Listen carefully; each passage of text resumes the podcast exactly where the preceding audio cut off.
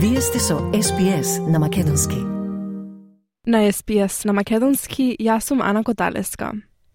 На светското првенство во фудбал завршија надпреварите од групната фаза во групите А и Б. Познати се и првите осми на финални двојки. Повеќе во прилогот на Сунил Ауасти за SPS News.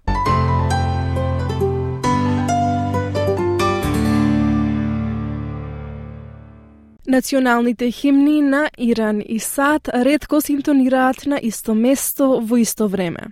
Но понекогаш спортот може да го пополни јазот што го создава политиката. Најдобриот играч на САД, Кристијан Пулисик, го постигна првиот гол во 38-та минута со помош на Сергинио Дест. Тој се судри со голманот додека го постигнуваше голот и беше заменет на полувреме, но се уште нема нови информации за неговата здравствена состојба. Иран создаде неколку шанси за гол, но над преворот заврши со 1 спрема 0 за САД, со што тие се пласираат во осмина финалето. Тренерот на САД, Грег Берхалтер, вели дека неговиот тим покажал две различни страни од себе во овој надпревар. You know, the first half we showed what we can do soccer wise. Um, had played a really good first half.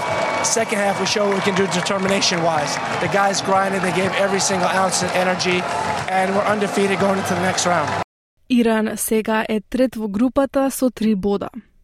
САД со пет бода завршуваат второ пласирани во групата Б зад Англија со седум бода.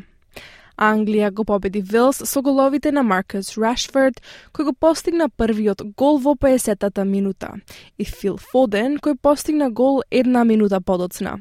Рашфорд потоа постигна втор гол подоцна во полувремето и го комплетираше поразот. Со конечен резултат од 3 спрема 0 за Англија во надпреварот против Велс, репрезентацијата се пласира во осмина финалето. Рашфорд предупреди дека најдоброто од Англија на светското првенство во 2022 година допрва треба да дојде.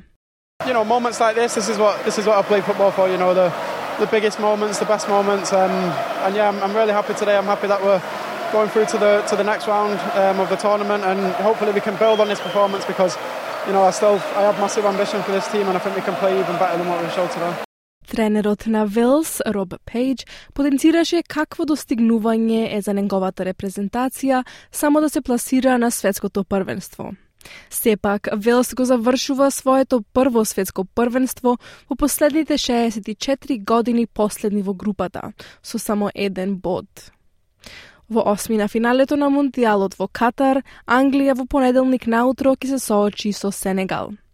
Репрезентацијата на Сенегал го победи Еквадор во надпреварот од третото коло од групната фаза на светското првенство со 1 спрема 0. Исмаила Сар реализираше пенал за Сенегал на крајот на првото полувреме. Мозес Кајсейто постигна гол во 67-та минута, но може би најдобриот играч од репрезентацијата на Сенегал, Калили Колбали, само 3 минути подоцна ја обезбеди победата. Сенегал заврши на второто место во групата А со 6 бода, а Еквадор трет со 4 бода. Како победник на групата А, Холандија во понеделник ќе се соочи со САД. Холандија ја води групата откако го совлада домакинот Катар со 2 спрема 0. Напаѓачот Коди Гакпо досега има постигнато гол на сите три надпревари на турнирот, постигнувајќи го резултатот во 26-та минута. Френки Дујанг го постигна вториот гол за репрезентацијата веднаш по полувремето. Катар заврши на дното во групата со нула бодови, најлошиот резултат од земја домакин досега. Но тренерот Феликс Санчез инсистира дека неговата екипа може да излезе од турнирот со гордост по начинот на кој игра против холандјаните. We were able to to compete against them during many minutes, but of course they are top team and unfortunately we couldn't get the result but I think the players they did everything and this is a great experience for us in the last game to have the performance like this. Стиснете, ми се допаѓа, споделете, коментирајте. Следете ја SPS на Македонски на Facebook.